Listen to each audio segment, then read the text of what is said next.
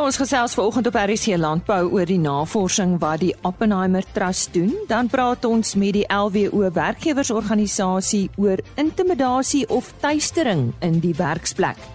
Agri Noord-Kaap praat met ons oor hulle planne om hulle paaie te verbeter en Leon Kreur van die Universiteit van die Vrystaat spesialiseer in dieregedrag, veral kleinvee. So bly ingeskakel te hoor wat hy te sê het. En goeiemôre van my Lise Roberts. Die Oppenheimer Stichting het onlangs uh, 'n konferensie gehou wat deur talle belanghebbendes bygewoon is.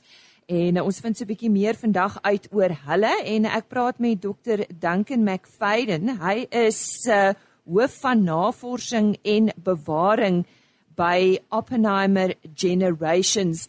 Now, first of all, Duncan, perhaps you should explain to us uh, the uh, Oppenheimer uh, generations. Exactly who are you? We know the word Oppenheimer, of course, but perhaps yes. you can uh, just set some light on that.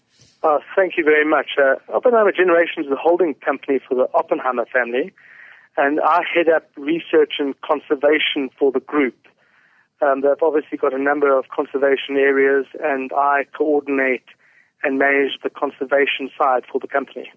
And you had this conference. Why do you have these conference? What's the purpose? No, 100%. And, you know, this is the 10th Oppenheimer Research Conference that we've had. Um, and they've grown in, in the numbers of people attending and the content from year on year. And it's in essence to profile um, key areas of concern um, we obviously fund a huge, a huge amount of research across um, our conservation areas, but also through NGOs and, and universities. And to profile, give those researchers an opportunity to, to, to profile their results, um, which are largely topical and of, of concern to the general public. And if you have to highlight that would be interesting for agriculture decisions or topics that were discussed, during this conference? Certainly. Um, one, one being holistic management. I don't know if you've heard of holistic management. Um, Alan Savory attended the conference. I mean, he's the, the godfather of holistic management. He's 84 years old. And in essence, it's using cattle to um, improve health condition. Um, so they, it's, you know, we, we've got a, a couple of thousand head of cattle, and what we've, we've got a program running for around six years now where we herd the cattle, and through herding the cattle, um, you find the cattle hooves break up the ground, they defecate, urinate, um, refertilize the soil, and we've actually monitoring how the vegetation is improving in terms of palatability with holistic holistic management. Um, we've also had um, problems with predation, you know, with with uh, hyena and leopard, particularly taking calves out of, of herds. And now with the herding of the cattle, obviously the, the predation has actually gone down to practically zero. Um, so it's been a, a, win-win. The ranch we have in, in Zimbabwe um, also had a problem with um, the paddocks being knocked over by elephants regularly. So we found our cattlemen were more maintenance people fixing, um, you know, cattle fences all the time. Now, um, with no fences, we've taken all the fences down, and the herders stay with the cattle. And it's been a, a great success story from an ecological point of view, from a social point of view, and from a financial point of view. Now, where is where are you going from now? What what happens after such a conference? Uh, what do you expect, or what would you want? Well, um, a real outcome is the most important thing because you know I, I'm a, I'm a scientist theoret- theoretically. Um, and what does drive me mad is research for the sake of research. Um, I think research needs to have real application. So we, the results are great, but the results of, of science projects are only great if they really put to practical use. So um, we put a lot of effort into ensuring that the, the researchers and the research that we fund is actually um, a real outcome on the ground is felt in terms of moving from A to B in some way. So, is uh, are you going to follow up? Um, we're constantly following up. You know, another large topic, which again, sometimes one feels a little, well, like one's hands are tied. Another topic that was discussed extensively at the conference is the effects of climate change. And sometimes, you know, it, it becomes difficult. You know, everyone's got to do their bit to fight climate change.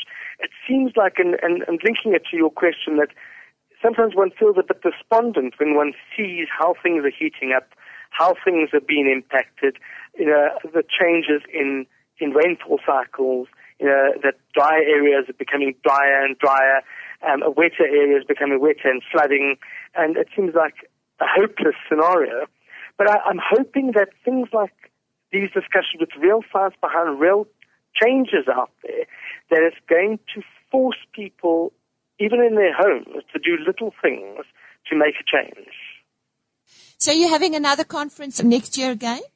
Quite, quite right. Um, the, the 11th Oppenheimer Research Conference will be to the 6th to the 8th of October 2020, um, also at Rykiesfontein in, in Midrand. Ek het daar gesels met dokter Duncan McFadden. Hy's van Oppenheimer Generations en hy's uh, hoof van hulle navorsing en bewaring. Die grondwet het onder andere ten doel om Suid-Afrikaners teen onbillike arbeidspraktyke te beskerm. Nou een van hierdie praktyke wat gereeld in die werksplek voorkom en wat baie wrywing kan veroorsaak, is eh, tuistering of intimidasie. En ons gesels weer vanoggend Christo Bester, hy's natuurlik van die LWO werkgewersorganisasie. Christo, is tuistering en intimidasie in die werksplek aan die toeneem? Wat dink jy? Dis ja, goeiemôre. Ehm um, dit is 'n baie moeilike vraag om te antwoord want sê ons ja, dit is aan die toeneem, dan lyk dit of werkgewers natuurlik niks doen nie.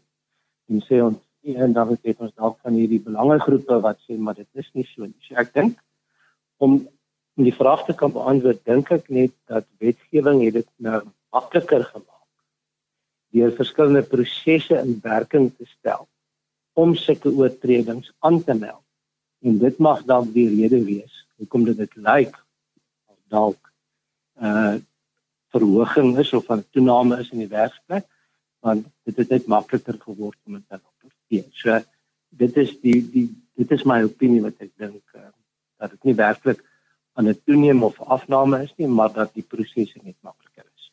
Nou vir ons voorbeelde van tuistering? Dis ja, met Dis onderskeid tref natuurlik om te sê daar's 'n verskil tussen tuistering en intimidasie. Nou, tuistering gaan gewoonlik gepaard met aksies of handelinge waar daar nie noodwendig geweld betrokke is nie. Dit kan natuurlik soos die spreekwoordelike liefdesverklaring wat iemand meer van hou nie. So tuistering gaan gepaard met wat geskryf word of agtervolging van van 'n persoon heeltyd naby sy werksplek hierdie die blomme stuur uh, en dan natuurlik ook pakkies kan stuur en dan tuistering gaan gaan natuurlik ook gepaard nie net met briewe en sien maar natuurlik as jy ook te doen met uh, seksuele tuistering waar ehm um, enige persoon aanstoot kan neem rondom grappies wat vertel kan word en dan natuurlik ook daadwerklike uh, seksuele toename wat gesoek word tot 'n uh, persoon En hier speel selfone en WhatsApp en daai tipe goed ook seker 'n groot rol. Dit dit is ook 'n groot rol van die sosiale media wat natuurlik ook van toepassing is. Nou goed, dit was dan tuistering. Wat is voorbeelde van intimidasie in die werksplek? Intimidasie gaan natuurlik soos ek sê gepaard um, hierso is daar 'n daadwerklike vrees wat 'n persoon het dat daar ehm um, leed aan hom gedoen kan word, fisiese geweld wat aan hom toegepas kan word.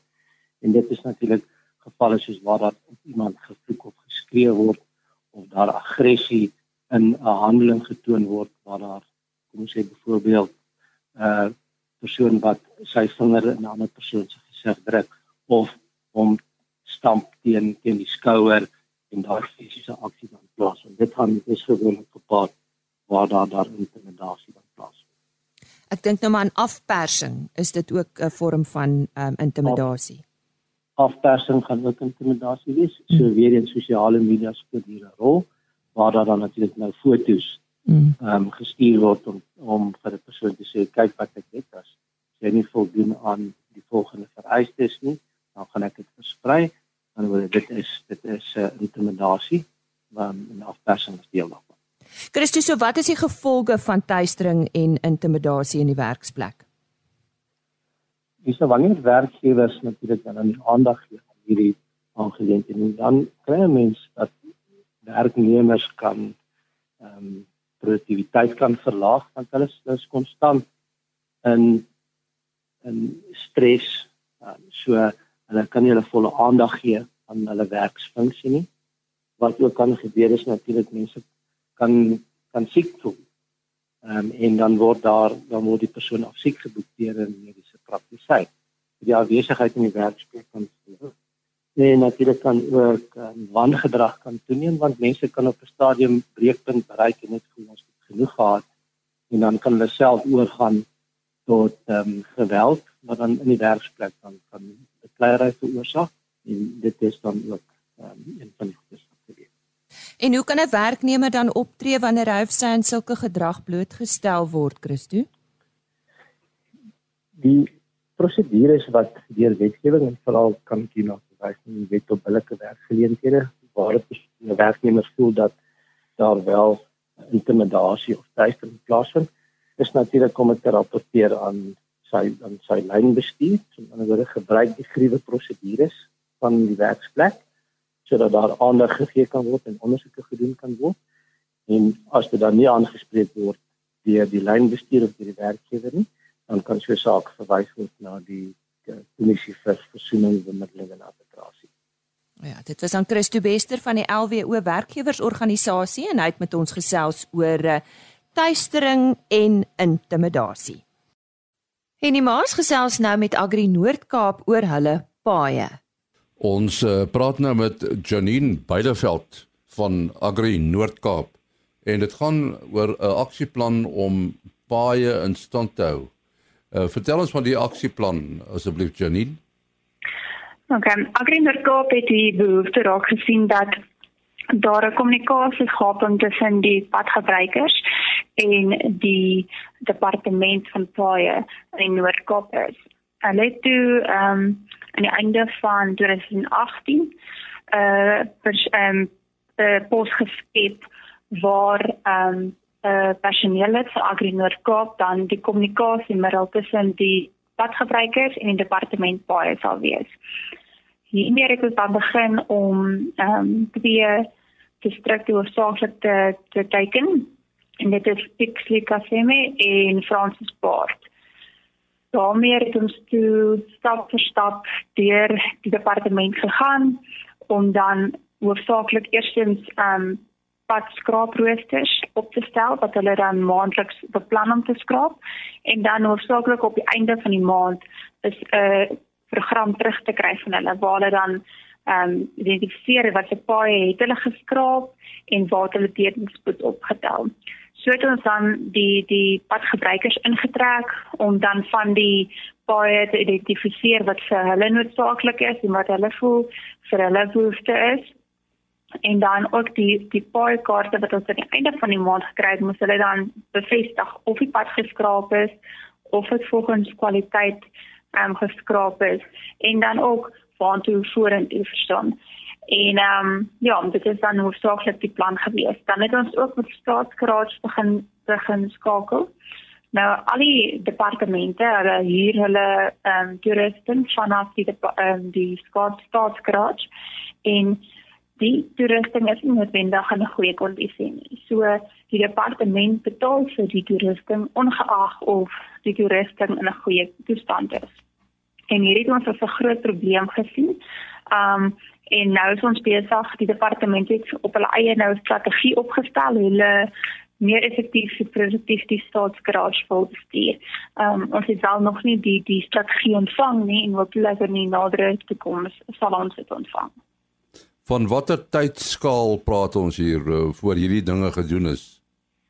Ehm um, wel ons het in begin van die jaar begin en ehm um, ons het so na 6 maande kan ek amper sê dit sukses waar met die die kaarte of die skraapproosters waar ons het van al die distrikte hoofsaaklik gekry het wat ons meer werk en dit is nie nou net Pixley nie en Francis Ward nie maar ook van die Makoland en John Daldo wat ons roosters van ontvang maandeliks. En dan het ons um, ook 'n groot behoefte gehad om kaarte te kry. Baie ehm um, baie nommers op kaarte wat ons vir die vir die padgebruikers kan deurstuur en hulle identifiseer aan die regte paaie want die baie kaarte se nommers is nie noodwendig dieselfde nommer wat jy op die pad sal sien iewers of so nie. Um en dit het ons na 4 maande het ons 'n uh, 'n Noord-Kaap een gekry en na 8 maande het ons per distrik 'n kaart gekry. Um die staatsgarage sal ek nie noodwendig sê ons is nou al op 'n op 'n goeie puntie, maar daar is vordering. So ek kan nie 'n tyd daan doen doen nie. Ja, so dit gaan oor samewerking tussen die owerheid en uh die padgebruiker in die geval seker meestal boere. Ja, ja. Ehm um, en dit het 'n groot invloed op die ekonomie. Ehm um, boere, die transportmaatskappye vra boere 3, 4 en 5 rand meer per kilometer net omdat die paaie in 'n slegte toestand is. En dit sit nogal 'n groot uitgawe, ekstra uitgawe op jou produktekoste en vervoer en so aan. Ehm um, en op die einde lê die boere onder. Ehm um, niemand anders doen nie. En wat is die reaksie van die boere self, die padgebruikers? Ehm um, die reaksie na kom ek sê ses maande is nog relatief positief. Hulle sê hulle kan sien daar is iets wat 'n verbetering in in die bestuur van alles en dan die kwaliteit wat mense ehm um, die skrapers skraap maar daar is nog steeds uitskieters wat nog steeds nie goed doen nie. Um waar ons wel regtig 'n dringende ingryping het vanaf die provinsiale baie mense maar op hierdie stadium ja ons het 'n uh, hoofsaaklik donderdag 'n vergadering met die MEC Albrand Vosloo vir publieke werke in baie en hopelik kan ons dan hierdie groot uitdagings met hom bespreek. Nou ja, ons sê baie dankie aan Janine Beileveld van Agri Noord-Kaap. Agri Noord-Kaap wat met hierdie inisiatief begin het. Ek het tydens die Agri Expo Livestock geleentheid daar by Sandringham in Stellenbosch met Leon Creer gesels, hy's van Universiteit van die Vrystaat. Leon, ons is nou hier by die uh, Agri Expo Livestock uh, geleentheid en dit is spesifieke inligtingsdag vir ons melkbokboere en ek's aangenaam verras met die wonderlike teenwoordigheid. Jy is een van die sprekers. Nou jy het 'n spesifieke passie vir hierdie bedryf klein vee. Waar kom dit vandaan? Dit kom maar 'n lang pad, dit kom van studies af en as 'n mens moet begin werk na na studies, dan beland jy maar in 'n plek en ek was bevoorreg genoeg om in 'n omstandigheid te beland waar ek met kleinvee navorsing gedoen het. Aanvanklik op parasiete by kleinvee, parasietbeheer by kleinvee en toe nou die navorsing aangehou en aangehou en later jare toe nou maar weer bietjie meer gekonsentreer ten opsigte van die gedrag van die diere want dis 'n tendens wat ons as boere almal miskyk en dit is stres by die diere. Ons ag hulle nie as of ons ag nie dat hulle stres nie omdat stres nie presenteer met simptome nie. Sien nie die diere het simptome nie. So ons reken daar is nie stres nie en dan wanneer die stres nou uiteindelik presenteer na die stresser plaasgevind het, dan wil ons die siekte blameer op allerlei ander oorsake en eintlik is dit maar net 'n stresverwante oorsaak. Die voorafgaande oorsaak van die dier wat siek word is maar stres. Dis maar soos die mense ook, né? Natuurlik, net ja. soos mense. Ja, ja. Nou voor ons nou by die ehm um, miskien kan, kan jy 'n bietjie uitbrei oor daai stres en en waarna mense kan uitkyk. Wat doen jy nou op die oomblik? Waar is jy? Ek is 'n uh, eh, lektor by die Universiteit van Vrystaat waar ek spesifiek diere siektes doseer vir MSc landbou studente en dan is ek baie betrokke nou ook of een van my kursusse wat ek aanbied is dieregedrag en dierehantering wat die Universiteit van Vrystaat nou gaan uitrol vanaf volgende jaar. Nou goed, kom ons gesels oor daai dieregedrag. Waarna kan mense uitkyk as jy vir my so 'n paar punte kan noem? Kyk, ons hoor baie keer die mense praat van vir alle skaap, hulle sê 'n skaap is 'n dom ding. 'n Tendens of 'n gesegde wat ons baie keer hoor en ek gaan van die standpunt uit mense wat sê 'n skaap is 'n dom ding is eintlik dom hulle self net omdat hulle nie die skaap se taal verstaan nie. Hulle verstaan nie die gedrag nie. Diere kan nie met ons praat nie. Hulle kan nie vir ons sê ons hulle voel sleg nie. Hulle kan nie vir ons sê hulle stres nie. Hulle kan nie vir ons sê hulle hou nie wat ons met hulle doen nie. as ons as mense siek word, dan kan ons dit verwoord. Ons kan sê ek voel sleg, ons kan sê iets is nie lekker met my nie. Diere kan dit nie verwoord nie. Dit moet ons raak sien in hulle gedrag. En daar's 'n paar aspekte ek leer my studente altyd. Ons kyk, ek noem dit die 1357 konsep. Een beteken jy moet jou diere elke dag sien. As jy Spreuke 27 vers 23 gaan lees, dan sal jy daar sien hoekom dis 'n Bybelse opdrag. Maar ons moet ons diere elke dag sien. As ons ons diere sien, dan kyk ons na drie aspekte. Jy kyk na die dier se kop, want dis waar jy eerste agterkom daar's fout met die dier. Dan kyk ons na die hongerrolte, daai driehoek tussen die rib en die heupbeen. Kyk na die hongerrolte want dit gee vir ons 'n aanduiding die dier het geëet of nie. 'n Dier wat siek word, maak nie saak wat is die oorsaak nie, so dier gaan nie eet nie en dan is die hongerrolte leeg. En dan derdens kyk ons na die dier se beweging. 'n Dier wat nie doen wat die res van die kudde doen nie, is 'n dier wat siek is. Nou as jy daai by daai drie aspekte 'n abnormaliteit optel, dan moet daai dier ondersoek word. Nou daar sê ek, dan bring jy die dier in na 'n drukgang toe of na 'n hanteerfasiliteit toe en dan kyk jy na vyf aspekte. Vyf aspekte. Jy kyk na die kop, jy kyk na die liggaam, jy kyk na die beweging van die dier, jy kyk na die dier ek noem dit die inname van die dier en jy kyk na die uitset van die dier. Eet die dier, drink die dier, is die mis normaal van die dier? Jy kyk na die beweging van die dier, is dit normaal? En dan kyk jy dan doen jy 'n ondersoek. Jy kyk die koors van die dier, jy luister as haar longe reg, jy kyk of daar rumenfunksie is want 'n dier wat nie eet nie, gaan rumenstase kry. 'n Dier met rumenstase gaan dood van honger met 'n maag vol kos want die rumen werk nie. So dit's die die aspekte. Die groot probleem wat ons kry met diere wat doodgaan en is nie nodig dat diere doodgaan nie. Ons kan diere behandel. Ons het medisyne ons briljante veeartse in die land. Groot probleem wat plaasvind met siek diere is ons slaan nie ag op die eerste simptome van die siek dier nie. Ons kom nie agter daai diere siek nie en omdat ons dit te laat sien wanneer daar erge simptome is. En dis nou die 7 van die 1357 konsep. Wanneer daar erge simptome is. Dis nou in die liggaamsstelsels die asemhalingsstelsel, die spysverteringkanaalstelsel, die nierstelsel. Daai stelsels gee dan vir ons opsigtelike simptome, maar dan is daai siekte al baie ver gevorder en dan is dit baie moeilik om dit te behandel, veral in gevalle van longinfeksie wat 'n baie groot probleem is. Ons sit met organismes wat normale flora is in die lugweë van die dier. Mannheimia hemolytica, Pasteurella trialosi, Pasteurella multicida. Hulle kom voor in die asemhalingsstelsel, in die boonste lugweë van die dier. As daai dier stres vermeerder daai bakterieë as gevolg van die stres. Want 'n die dier wat stres het kortisol in die liggaam. As daar kortisol in die liggaam is, dan is die immuniteit afgebreek. Dan is daar nie immuniteit nie. Dan vermeerder daai bakterieë en die dier kry 'n longinfeksie. Teen die tyd wat ons 'n snotneus kry en 'n dier wat hoes kry, dan se derde van daai longfunksie al klaar aangetast, dan verwag ons nou antibiotika gaan dit regmaak dit gaan nie so maklik wees. Dis nie net een spuit antibiotika nie, dan het daai dier intensiewe behandeling nodig. Sjoe, en dit begin al alles eintlik by die gedrag soos jy gesê het. Dit begin by die gedrag. Jy moet die dier se gedrag baie vroeg optel en dit dit vir my gaan dit spesifiek ons moet die dier se gedrag kan lees. Ons moet kan sien daar's fout. Ons moet as ons met ons diere werk. Want die diere sê nie vir ons ons stres nie. Hulle kan nie vir ons sê wat jy nou doen met my is hou ek nie van nie. 'n Bok sal skree, 'n vark sal skree, 'n skaap noem ons in Engels 'n silent sufferer. Jy kan met hom doen wat jy wil, hy gaan stil bly daaroor. En daai dier gaan siek word as gevolg van die feit dat ons hulle verkeerd hanteer. As ek net 'n voorbeeld kan noem, hare, mense wat diere aan die hare of die wol gryp of aan die vel gryp of aan die horings hanteer.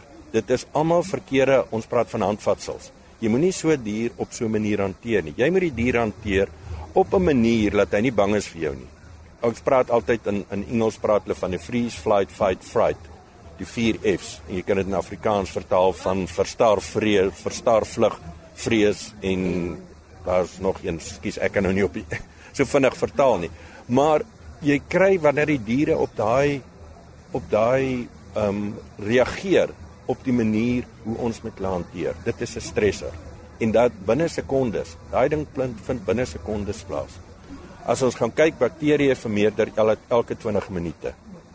As jy 'n dier net normaal hanteer, die navorsing is gedoen. As jy 'n dier hanteer vir dosering of dip, wat ons moet doen, ons moet dit dis normale prosedures wat ons moet doen. Dan stres daai dier se kortisol vlakke is 3 keer hoër as die basale vlak of as die normale vlak. Dit vat omtrent 90 minute vir die kortisol om weer terug te keer onder die basale vlak. 90 minute beteken daar was 80 minute wat daai bakterieë vermeerder het.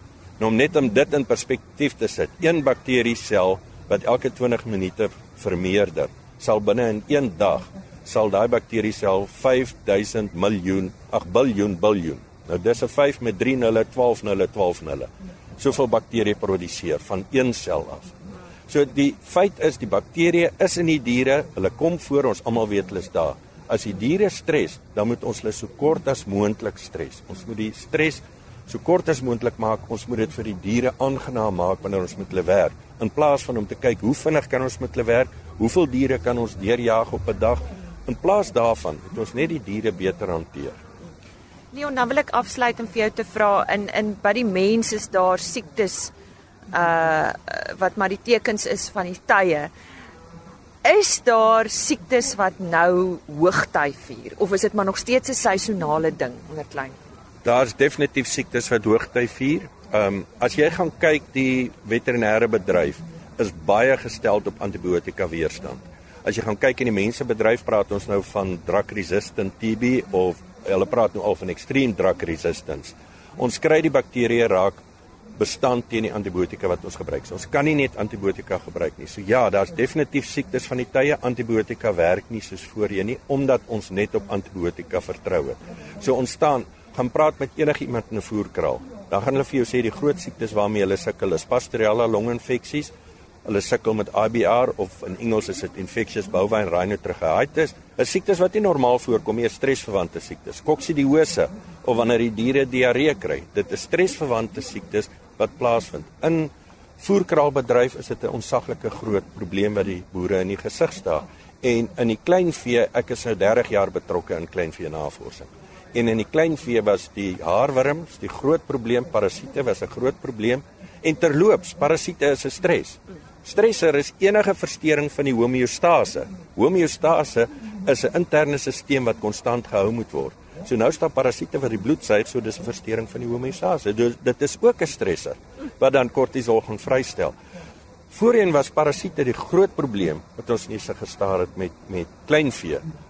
Ek persoonlik het in die laaste jare wat ek navorsing gedoen het en dis waar my navorsing begin het met dieregedrag en dierehantering en diere stres. In die laaste tyd is Pasteurella die groot probleem wat die mense in die gesig staar, longinfeksies wat hulle by die diere kry en ek skryf dit uitsluitlik toe daaraan dat die diere stres. Ja, baie leersame gesprek vir my ook. Dit was uh, dan Leon Creer. Hy is verbonde aan die Universiteit van die Vrystaat en soos jy kon hoor spesialiseer hy in die gedrag van ons kleinvee. Ons gesels môreoggend weer met eh, Christo Bester en hierdie keer fokus ons op eh, wat die wet sê oor verlof. Eh, dan praat ons met Klein Jan Gasekoma. Ek het hom ook daar by die Agri Expo Livestock raak geloop. Hy was ook 'n spreker en baie motiverend vir die boere wat teenwoordig was. En dan praat dokter Johan Kloete van MST ook uh, oor rooi water. Onthou môreoggend om 05:30 weer in te skakel vir nog 'n aflewering van RSG Landbou. Totsiens. RSG Landbou is 'n produksie van Plaas Media. Produksieregisseur Henny Maas. Aanbieding Lisa Roberts. En inhoudskoördineerder Jolandi Root.